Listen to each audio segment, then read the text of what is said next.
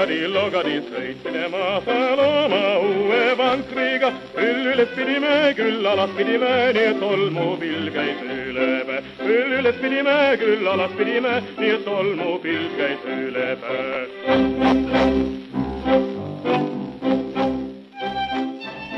tere kuulama Tasku Vikerkaart. eelmine kord oli stuudios Märt Välja taga, nüüd olen mina, Aro Velmet tagasi. ja täna räägime Hent Kalmoga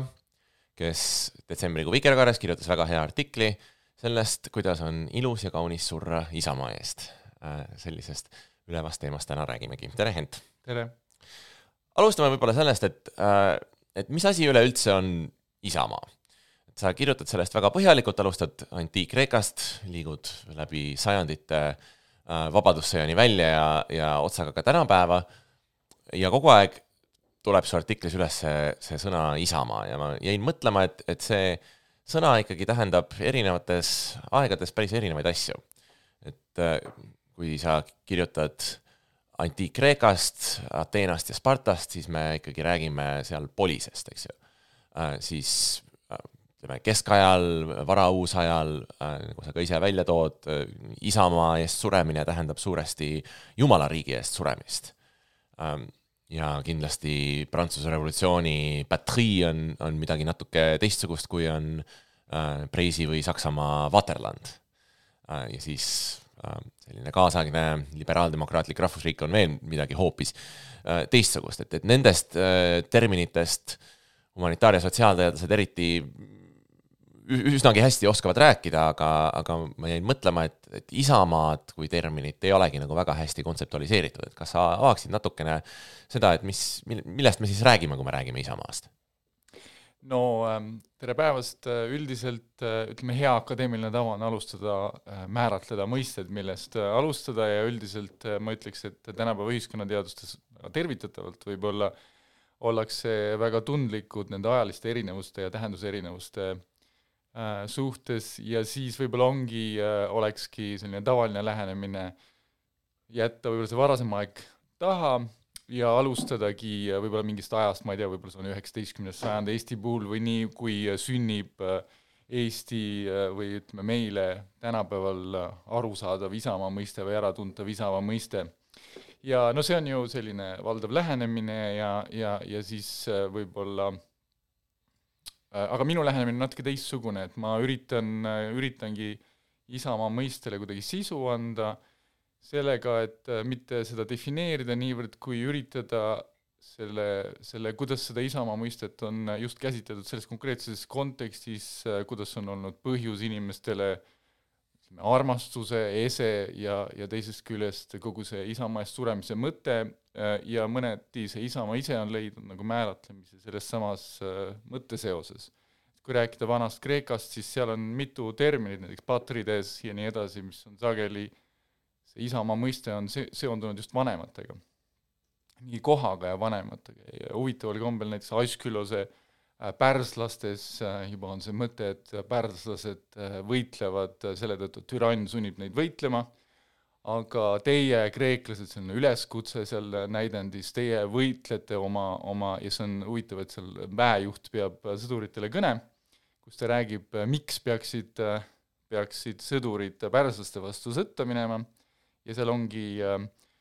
see erinevus pärslaste ja, ja kreeklaste vahel ja see on juba selle tõttu ka huvitav erisus, et sageli viiakse läänemaine enesekuvand tagasi just äh, kreeklaste ja pärslaste vastanduse juurde, et kreeklased tõlgendasid ennast äh, siis äh,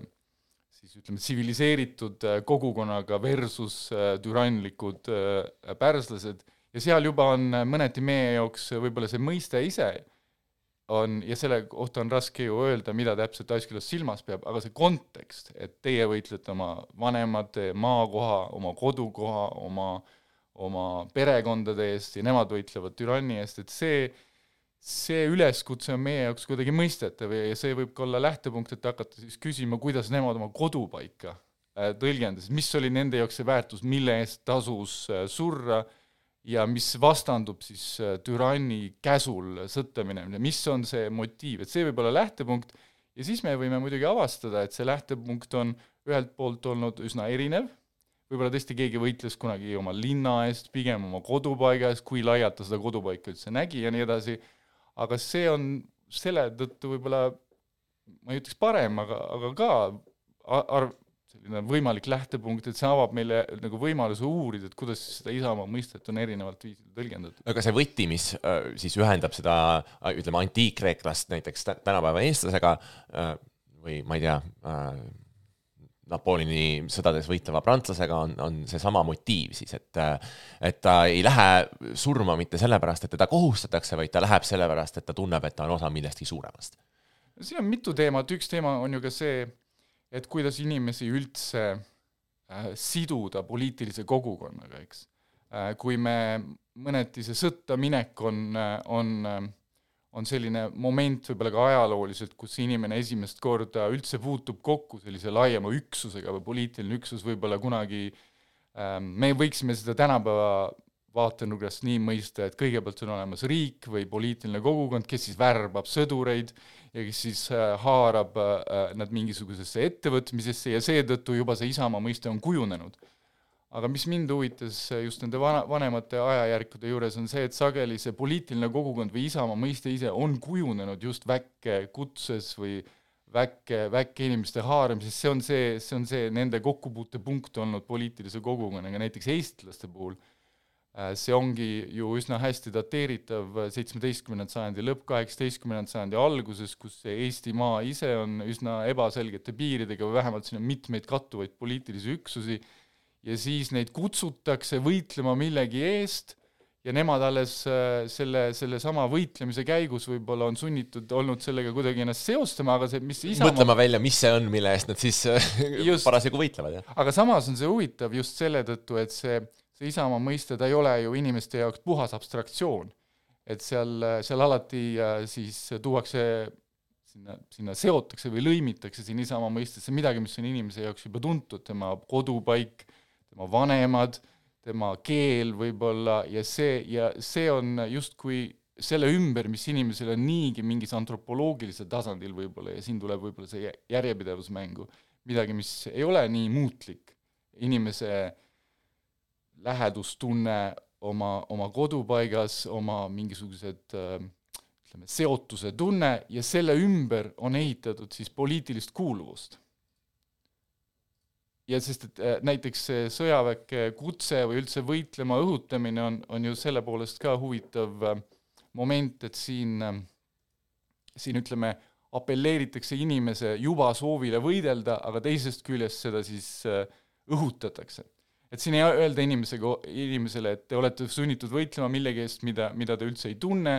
äh, Isamaa eest näiteks, kui see inimesele oleks täiesti tundmatu mõiste, sellisel juhul vaevalt see väga motiveerivana mõjuks, eks. aga teisest küljest äh, ähm, teisest küljest on see midagi, mida näiteks kui rääkida Prantsusmaast viieteistkümnendal sajandil, siis inimeste jaoks Isamaa mõiste, noh seda ajaloolased on küll eri meelt, aga üldiselt äh, sellel hetkel Prantsusmaad suurem hulk elanikkonnast ei tajunud kodumaana, nii et kod-, see on selline, ütleme, kodupaiga äh, laiendav mõiste. tuleme korraks nende vanade kreeklaste juurde tagasi, sest et äh, äh, kui nüüd mõelda Isamaast kui sellisest poliitilisest kuuluvusest, siis äh, äh, sa tood välja, et juba vanad kreeklased tajusid selle juures teatavat paradoksi ja see, see paradoks on see, mis, mis sind selles artiklis väga äh, paelub, kui ma õigesti aru saan ja siis, kui ma äh, selle katsun niimoodi lühidalt kokku võtta, siis see paradoks seisneb selles, et ähm, ühes ütleme, demokraatlikus ühiskonnas ähm, selle demokraatia võlu seisneb ühelt poolt just selles samas äh, isamaalisuses, et äh, et rahvas sellise ühtse kogukonnana äh, nagu sõjaväena võtab ette mingisuguse teo, otsustab midagi teha ja sel-, selles on midagi äh, ülendavat, midagi kaunist, midagi võimsat äh,. ta ei tee seda sellepärast, et mingi türann käsib äh,, seda ei võta ette mingisugune üks suverään äh,, vaid rahvas ise ongi see suverään, kes midagi teeb.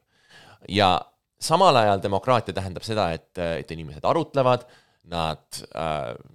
neil on erinevad arvamused, nad satuvad konflikti äh,, nad jagele-, nad jagelevad omavahel äh, ja siis nagu sa selle artikli alguses välja tood äh,,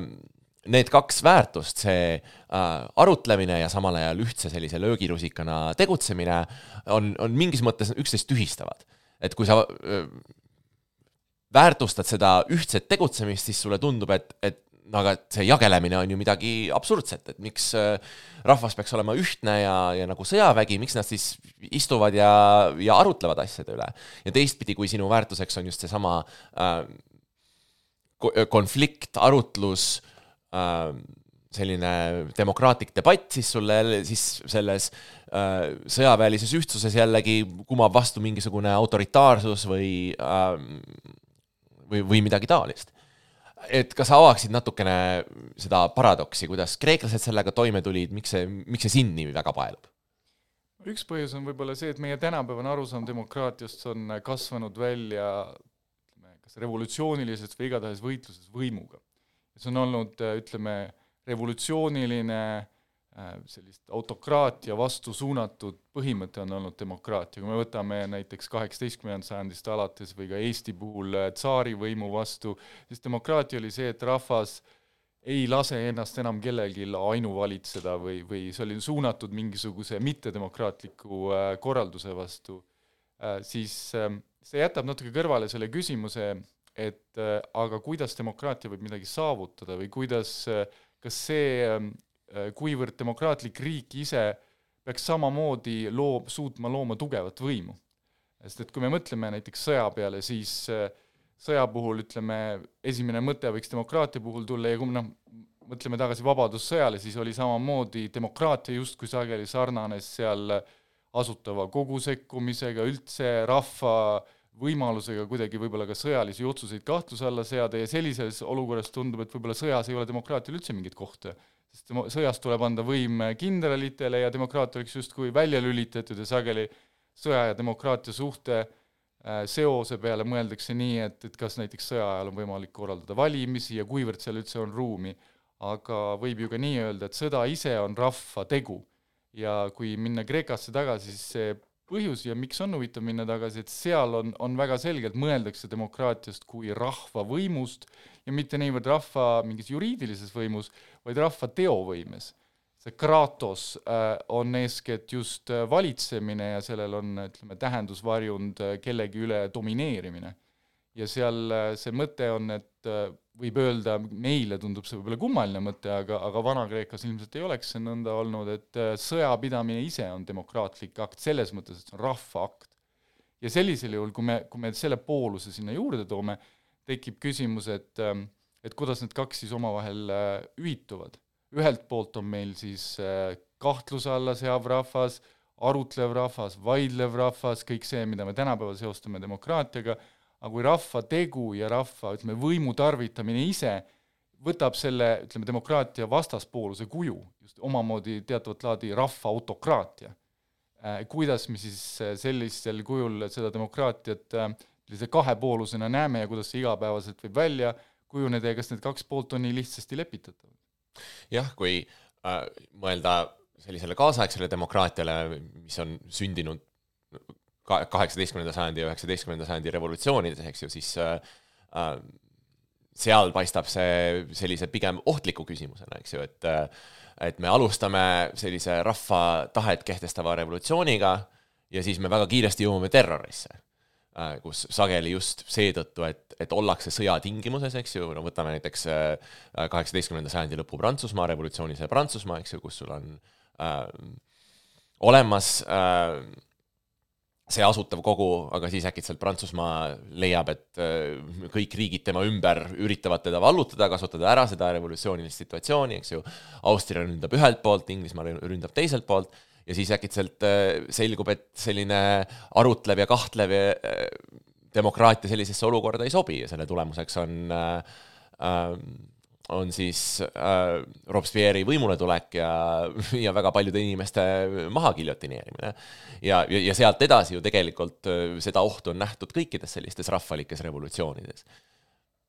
nojah, sest et äh, see on muidugi äärmuslik äh, näide, eks, terror, aga, aga mõneti ju terror ise on ja seda nõnda kaheksateistkümnenda sajandi lõpus Prantsusmaal mõeldi, et see on äh, demokraatia osa, kuna demokraatia toona oli eeskätt võitlusideoloogia aadlikega ja ka Eestis suuresti üheksateistkümnenda sajandi lõpus ja kahekümnenda sajandi algus demokraatia oli suunatud aadli privileegide vastu. see, et rahval kõik on võrdsed, kõigil on, kõik saavad valitseda selle asemel, et, et aadlikud valitseks ja aadlike kõrvaldamine oli rahva võimu elluviimine. ja tänapäeval samamoodi ju see on äh, enamuse võim vähemuse, see ei võta küll terrori kuju, nii drastilist kuju, aga ikkagi on siis küsimus, et et kas demokraatia ongi ainult see enamuse võim või, või kas demokraatlik valitsemine ise on midagi, millel on omamoodi reeglid, sest demokraatlik valitsemine, enamasti noh, demokraatiast mõeldakse kui äh, demo-, valijate, ütleme, valitsejate valimise viisist või valitsejate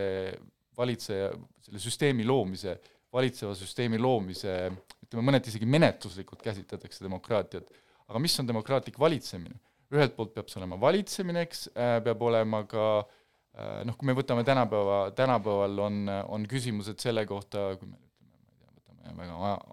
ajakohase näite, vaktsineerimine, siis on küsimus, räägitakse, et kas see võib olla demokraatlik see, kui inimesed hakkavad vastu enamuse langetatud otsusele Äh, või on siis nõnda, et kõigepealt on meil demokraatlik arutelu, siis langetatakse ära riigi tasandil mingisugune otsus ja siis seda otsust tuleb juba politseijõududega viimseni ellu viia, sest et see on sellisel juhul juba rahva otsus. Ja, ja kui meil ei ole seda elluviivat demokraatiat, sellisel juhul meil justkui nagu sellel otsusel ei oleks ka jõudu. Aga teisest... ateenlased vist oleksid selle lähenemisega küllaltki nõus, et kõigepealt just. arutatakse ja siis otsustatakse ja siis viiakse see otsus täide. muidugi Lenin oleks sellega ka väga nõus just, just, ja siis ei ole enam mingit arutamist. või on nii, et äh, siis ikkagi on õigus äh, mingisugused, kas seda vaidlustada või midagi, kas see on ka demokraatia osa, kas see kas see demokraatlik valitsemine kuidagi jätkub pärast selle, pärast seda otsust, aga siis tekibki see paradoks, et ühest küljest me ütleme, et kuidas siis nii, et lihtsalt ilma igasuguse arutelu politseijõududega viiakse ellu, antakse äh, võib-olla vähem võimalusi selle vaidlustamiseks või üldse aruteluks, aga siis tekib küsimus, et kas sellel eelneval arutelul siis on mingi mõte, kui see peaks justkui viima mingisuguse otsuseni. kuulame vahepeal muusikat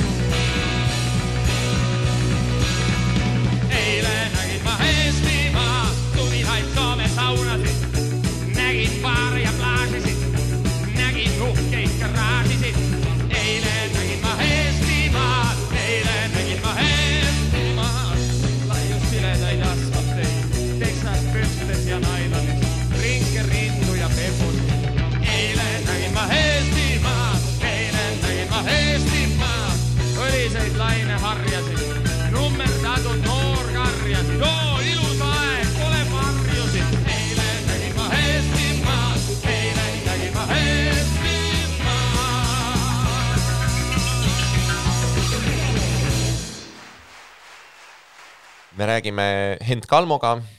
Isamaast, demokraatiast ja teistest sellistest ülevatest küsimustest. ja jõudsime selle keskse paradoksini äh, sinu artiklis, et äh, ühelt poolt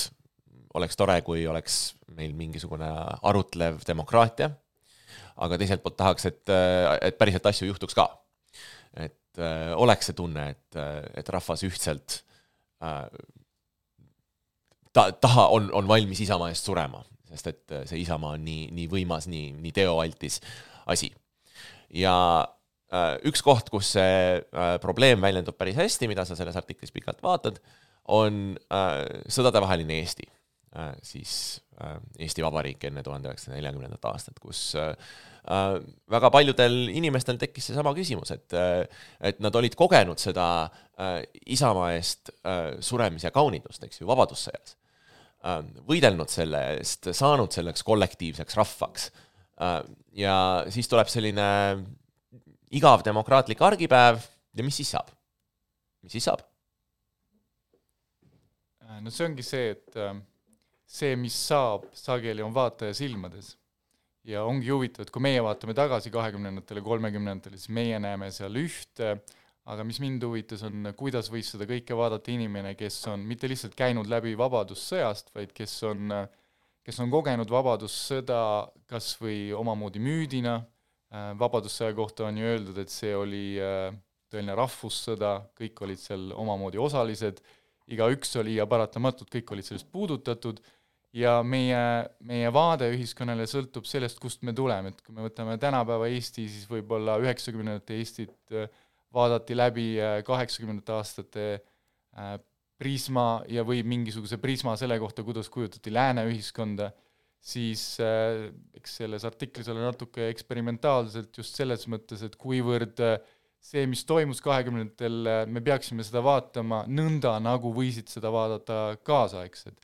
Ja see on ajalooteaduses üks äh, keerulisemaid asju üldse, eks, et öeldakse küll, et, et äh, tõlgendada kunagist minevikku me peame mõtlema mitte ainult seda, kuidas nõnda to-, toonased kaasaegsed seda nägid, aga mis oli ka nende tuleviku ootus,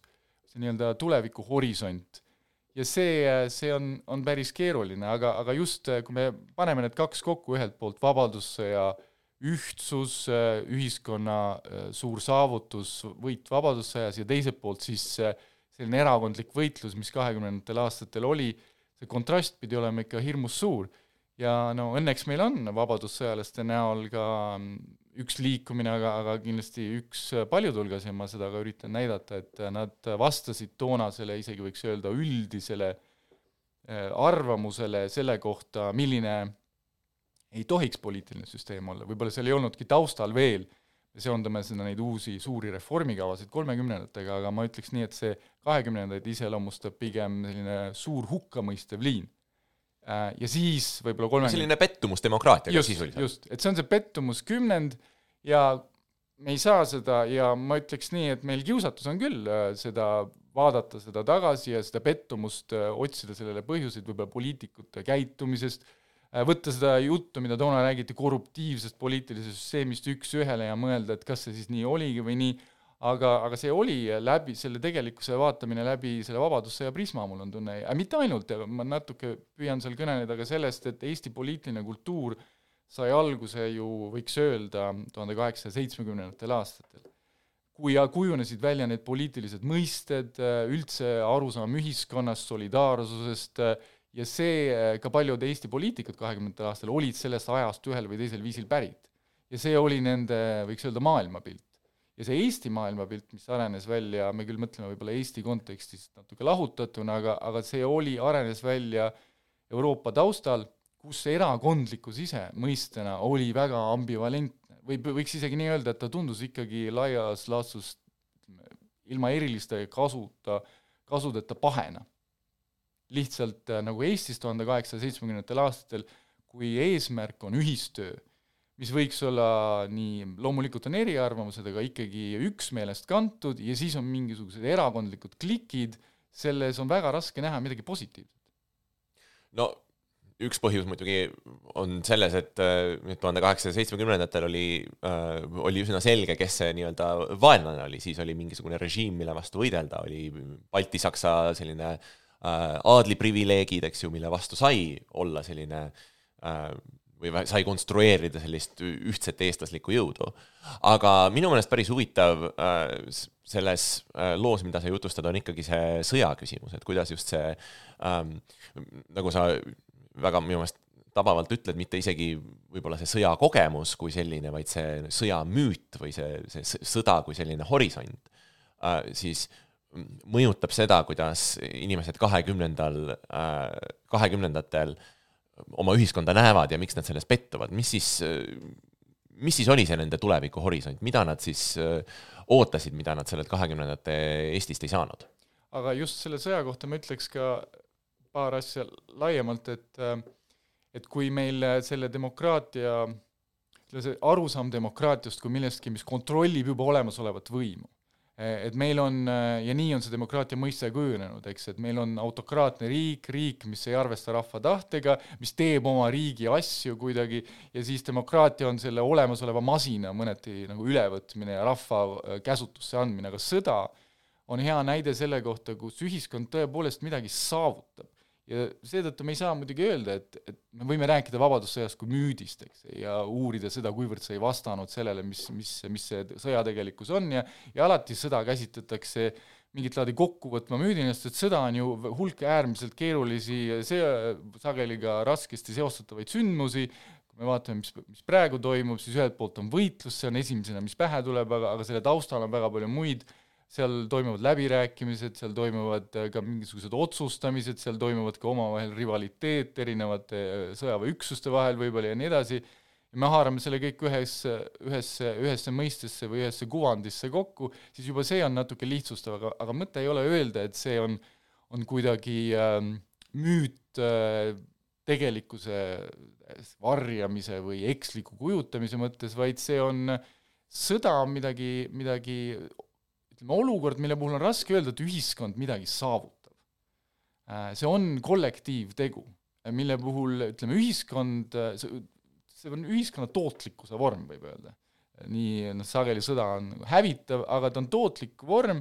ja, ja, ja ma arvan, ka Vabadussõda kinnitas sellist ja miks ma mainin neid tuhande kaheksasaja seitsmekümnendaid ja seda, seda aega, sest ta kinnitab solidaristlikku arusaama ühiskonnast kuidas ühiskond toodab, kuidas ühiskond võib luua midagi. ja, siis... seal, seal ei ole mängus individuaalne kasu, sa ei lähe, noh, okei okay,, võib-olla sa lähed sõtta sellepärast, et sa konkreetselt kardad, et et sinu vanemate kodu põletatakse maha või et sinu naine ja lapsed, ma ei tea, küüditatakse või notitakse maha, aga, aga lõppkokkuvõttes sa ikkagi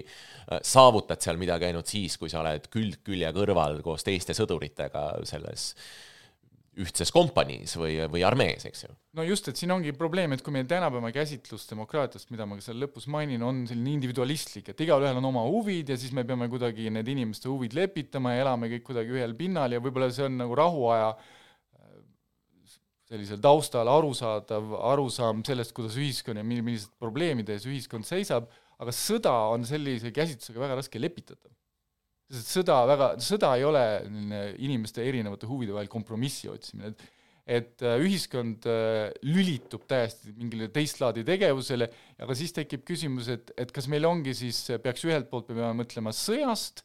teiselt poolt peaksime mõtlema demokraatiast ja kas nende vahel ei ole mitte mingisuguseid seoseid, me peaksime täielikult ignoreerima, ütleme, sõjaprobleemi, kui me räägime demokraatiast, aga miks mind huvitas see Vabadussõja järellainetus ja kogu see vabadussõjaliste liikumine, see on moment, kus sõda ja demokraatia puutuvad kokku.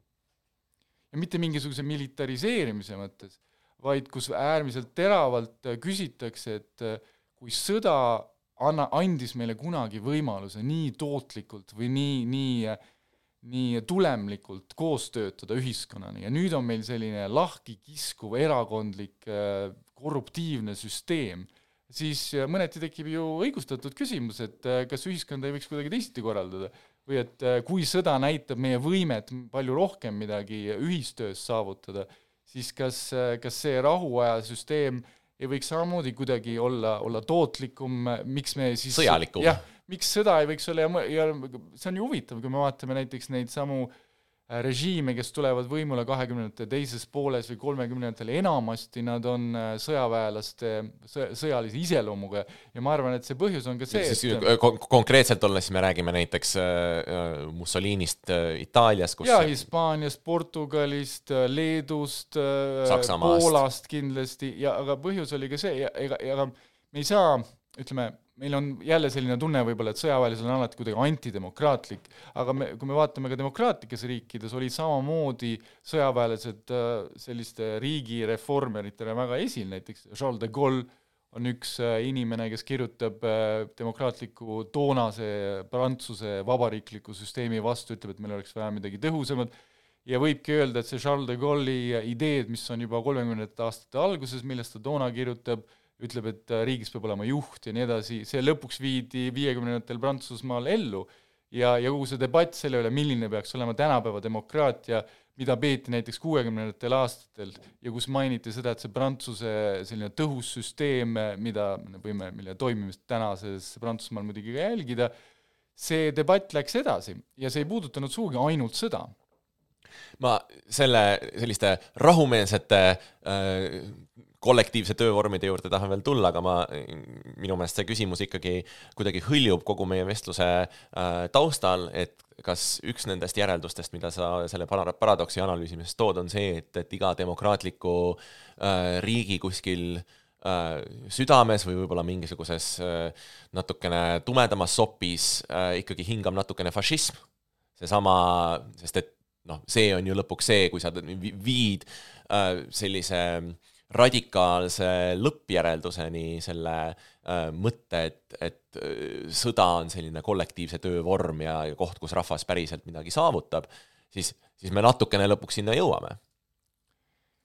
ei, ma ei ütleks niimoodi, võib-olla on pigem nii, et igas poliitilises äh, sellises ühiskondlikus koostöövormis on alati mingisugused igatsused see Isamaa igatsus on üks nendest ja need igatsused, neid võib alati äh, kuritarvitada. Äh, ja siis, äh, kui tekib olukord, kui me võtame ka Eesti kahekümnendat, tekib olukord, kus mingisuguse osaga seda, mida ühiskond soovib, näiteks seesama tõhusus või koostöö, ja kui seda ei saa, teatav valitsemise stabiilsus, kui seda ei saavutata, siis tekivad alati rühmad, kes pakuvad ennast seda, võib-olla rõhuvad ainult sellele ja sellele viitab ka see hilisem Viktor Orbani mainimine. et kui äh, üheksakümnendatel aastatel kujunes selline arusaam demokraatiast, mis kõike seda, sellist kogukondlikkust, äh, valitsusvõimu stabiilsust täielikult eiras äh, ja võib-olla pidas seda isegi hukkamõistetavaks, mingisuguseks militaristlikuks fašistiks, siis kui tekib poliitiline jõud, kes pakub inimestele seda, siis minu meelest tuleb eristada ühelt poolt seda vajadust, mis on, ja see vajadus on täiesti tõeline, ja, ja selle vajaduse kuritarvitamist et äh, me ei saa neid kahte asja omavahel seoda, täpselt samamoodi on minu meelest ka rahvuslusega. loomulikult on rahvuslust äh, kuritarvitatud ja kasutatud seda vajadust selleks, et äh, noh, nagu see ikkagi on, mingisugune poliitiline jõud ju üritab tugineda sellele, millised on ühiskonnas vajadused, vähemalt mis, mis on see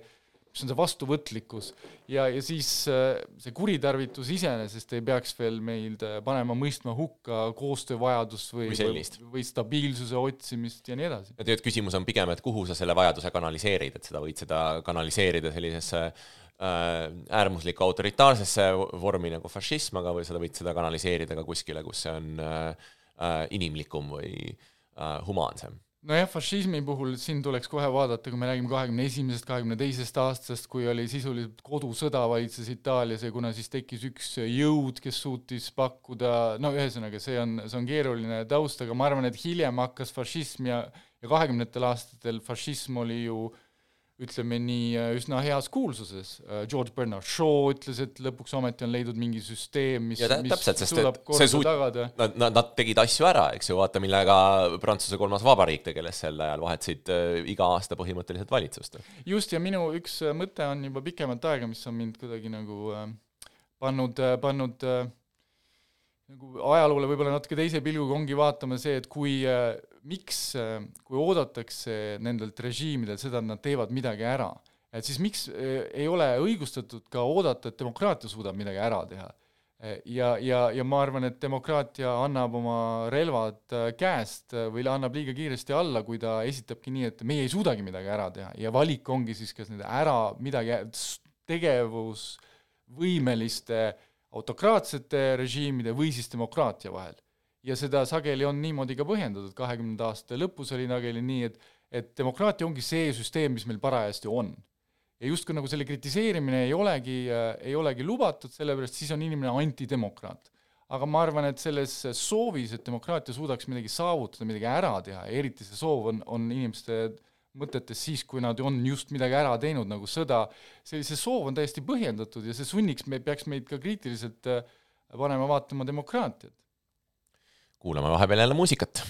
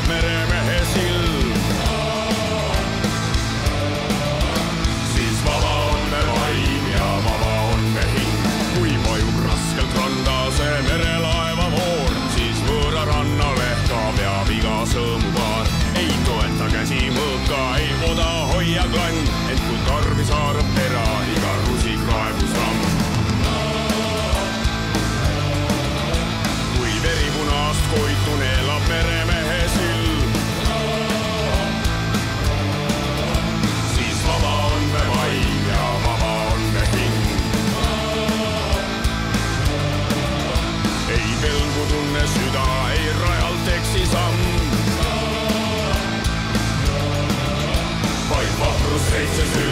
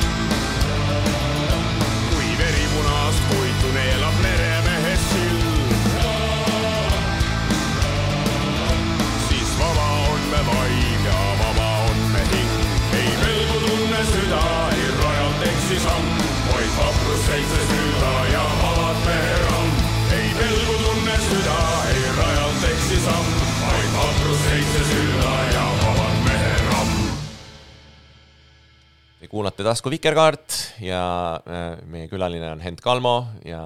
me jõudsime oma vestlusega sinnamaale, et äh, me rääkisime erinevatest viisidest, kuidas siis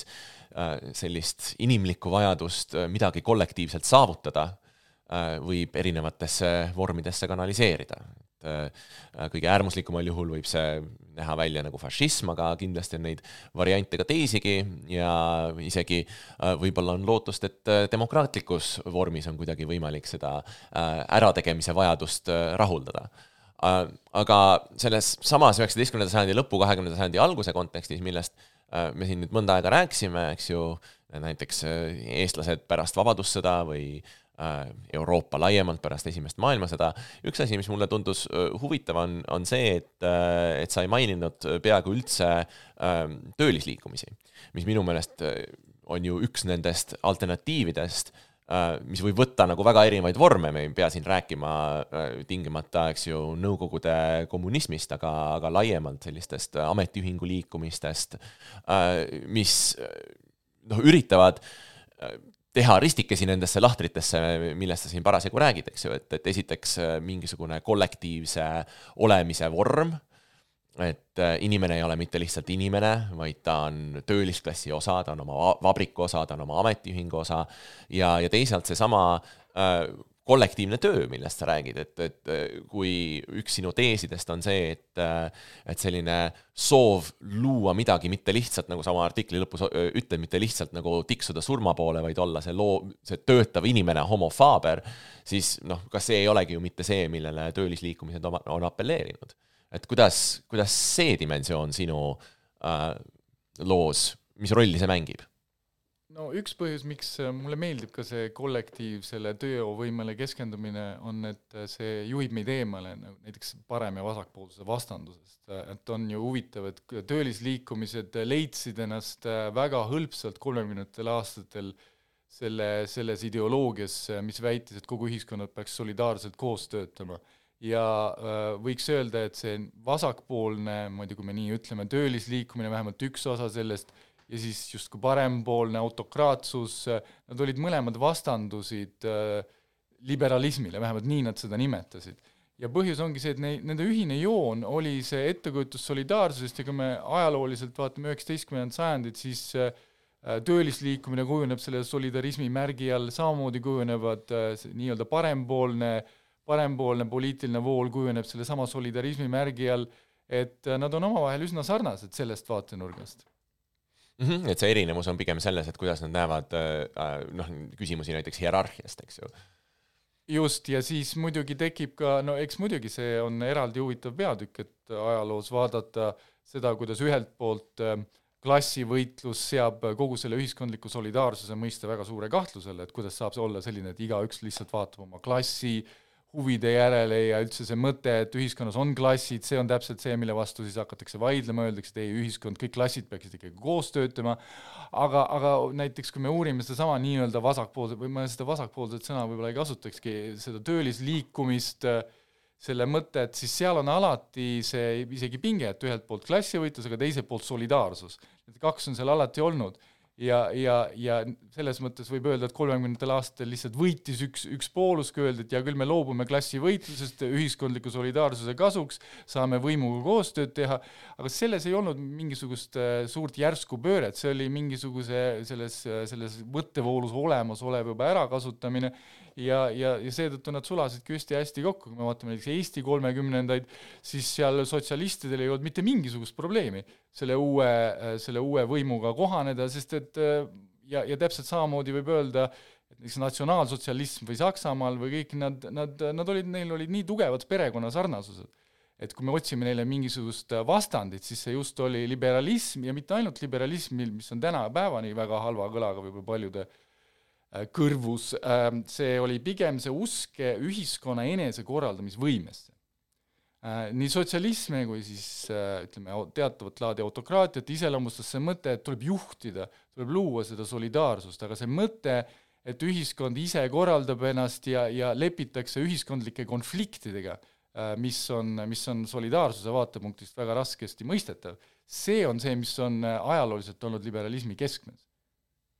teatavat laadi ühiskondliku koledusega äh, aktsepte-, sellega leppimine ja isegi selle ülistamine. No kui nüüd äh, jätkata selle mõttega natukene ja, ja, ja mõelda, et okei okay,, et äh, kui me nüüd tahaksime selles sellise nagu liberaalse ühiskonna raames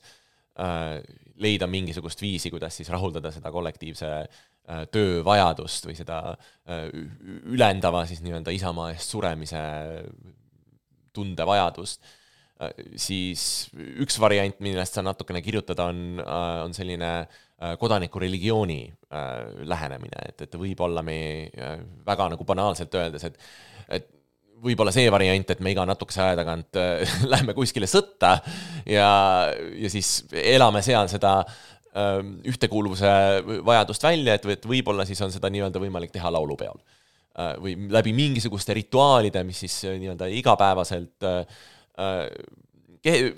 loovad ja taasloovad seda ühtekuuluvuse tunnet, ehk siis teistmoodi, teistmoodi öeldes see on natukene selline ähm, apoloogia sellisele kodaniku rahvuslusele, jah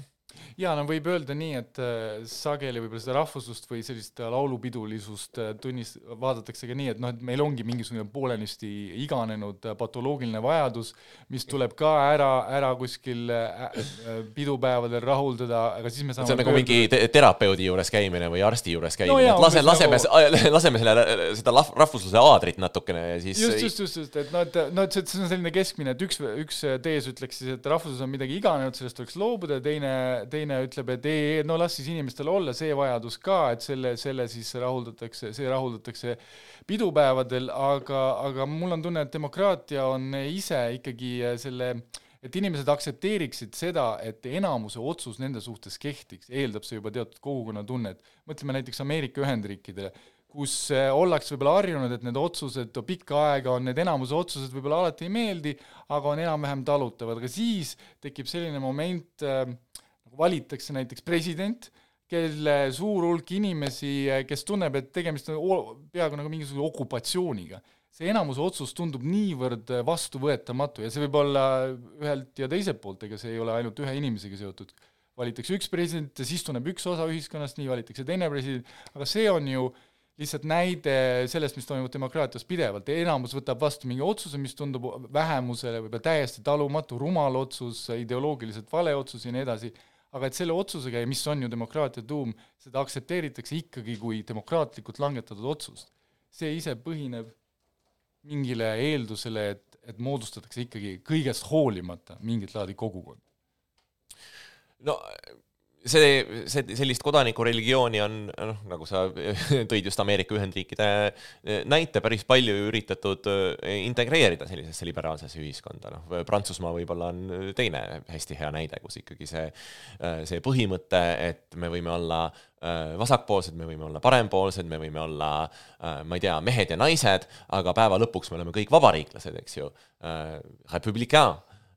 see on olnud äh, Prantsuse Vabariigi idee noh, sisuliselt revolutsiooni aegadest saadik ja see ometigi ei ole ju hoidnud ära sellist äh, päris korralikku lõhenemist. jaa, aga teatavat laadi lõhenemine võib olla tootlik ja siin ongi ju millele ma tahtsin viidata natuke, et võib-olla see kõik see, mis tundub demokraatia piiranguna nagu äh, need selle üldised äh, mängureeglid ja võib-olla ka vähemuste õiguste kaitse ja poliitilised õigused ja nii edasi, kui me vaatame demokraatiat laiemalt, ühiskonna ütleme sellise ühelt poolt äh, ikkagi tervikliku kogukonna, aga teisest küljest sellist laadi korraldusena, kus see kogukondlikkus võimaldab ka lõhenemist, võimaldab just äh, vaidlevat kogukonda, sellisel juhul me peame demokraatiat võib-olla vaatama laiemalt ja seesama kodanikureligioon ühel või teisel viisil kuulub demokraatia juurde ja võimaldab demokraatiat ja see on, see on vajalik, et see vaidlemine ise ei muutuks vaenamiseks. ja et see vaidlemine oleks tootlik vaidlemine. see sõltub ilmselt ka sellest, et kuidas seda äh, kodanikureligiooni defineeritakse, eks ju, sest et äh, siis muutuvad väga oluliseks need küsimused, et, et kes siis kuulub sellesse kogukonda ja, ja kes ei kuulu, ütleme noh, Prantsusmaa äh, puhul on, on see üks, üks põhiküsimusi, millega ajaloolased on äh, tegelenud äh, seda Prantsuse ajalugu uurides, et, et me võime küll rääkida vabariiklastest, aga siis selgub, et, et, et hea vabariiklane väga suure osa ajast noh, näiteks pidi olema Prantsusmaal sündinud või noh, ütleme selline äh, valge vabariiklane, et äh, kolooniates, äh, kolooniatest pärit inimesed näiteks ei saanud vabariiklaseks ka parima tahtmise juures. ja sellepärast on ka hea see isamaa mõiste, et see vähemalt osutub millelegi, mis on väljaspool seda lahutamist, ühelt poolt lihtsalt territoriaalne kogukond, lihtsalt inimesed elavad koos,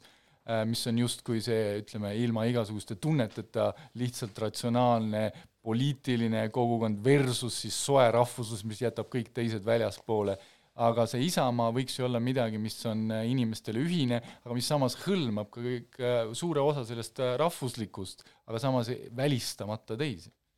Nii et äh, loodetavasti äh, ikkagi kuskil on üks isamaa, äh, mille eest on võimalik surra kuidagi niimoodi metafoorselt. metafoorselt või mitte? Aitäh, Hent Kalmo rääkimast meiega, see oli siis Tasku Vikerkaar, head aasta lõppu, järgmine aasta räägime jälle autoritega, mina olin Aro Velmet, olen järgmine aasta ka ja järgmise korrani! aitäh!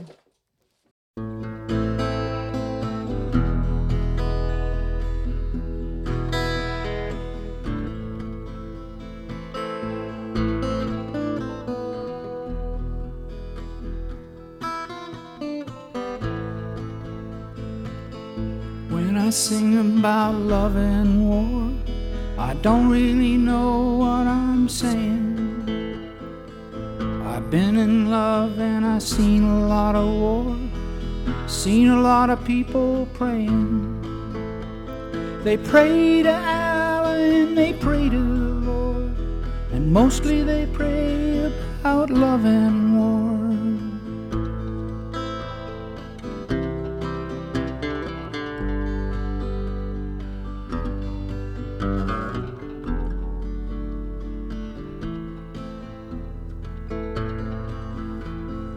Pray about love and war. Pray about love and war.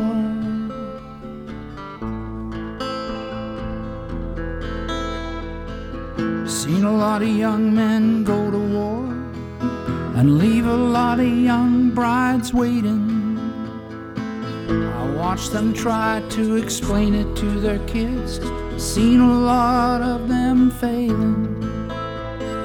Tried to tell him and they tried to explain why daddy won't ever come home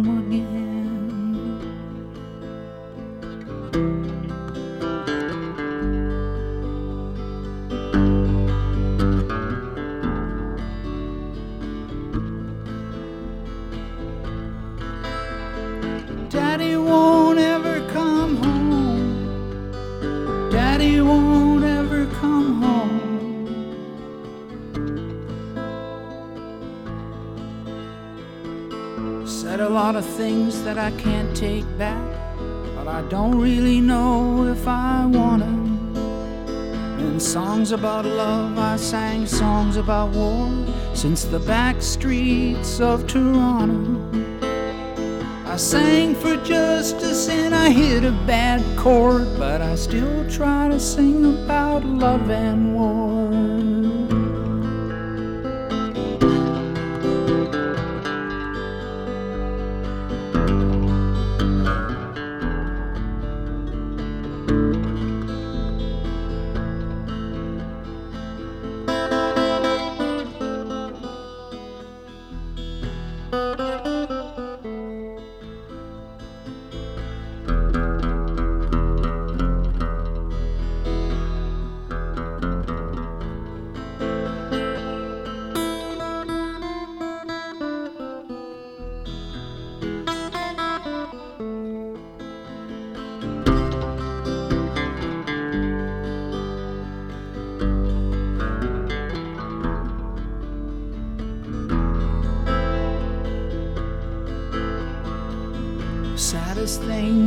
Whole wide world is to break the heart of your lover.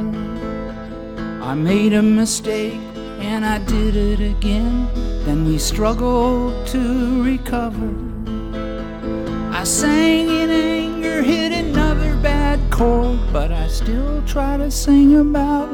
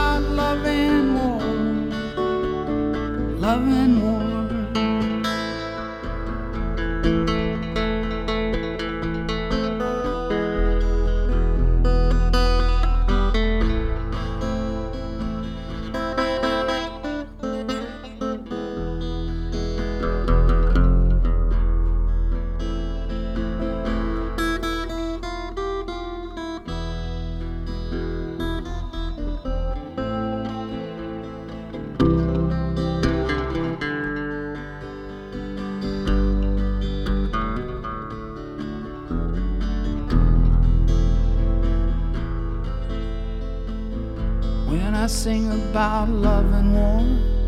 I don't really know what I'm saying. I've been in love and I've seen a lot of war, seen a lot of people praying. They pray to Allah and they pray to the Lord, and mostly they pray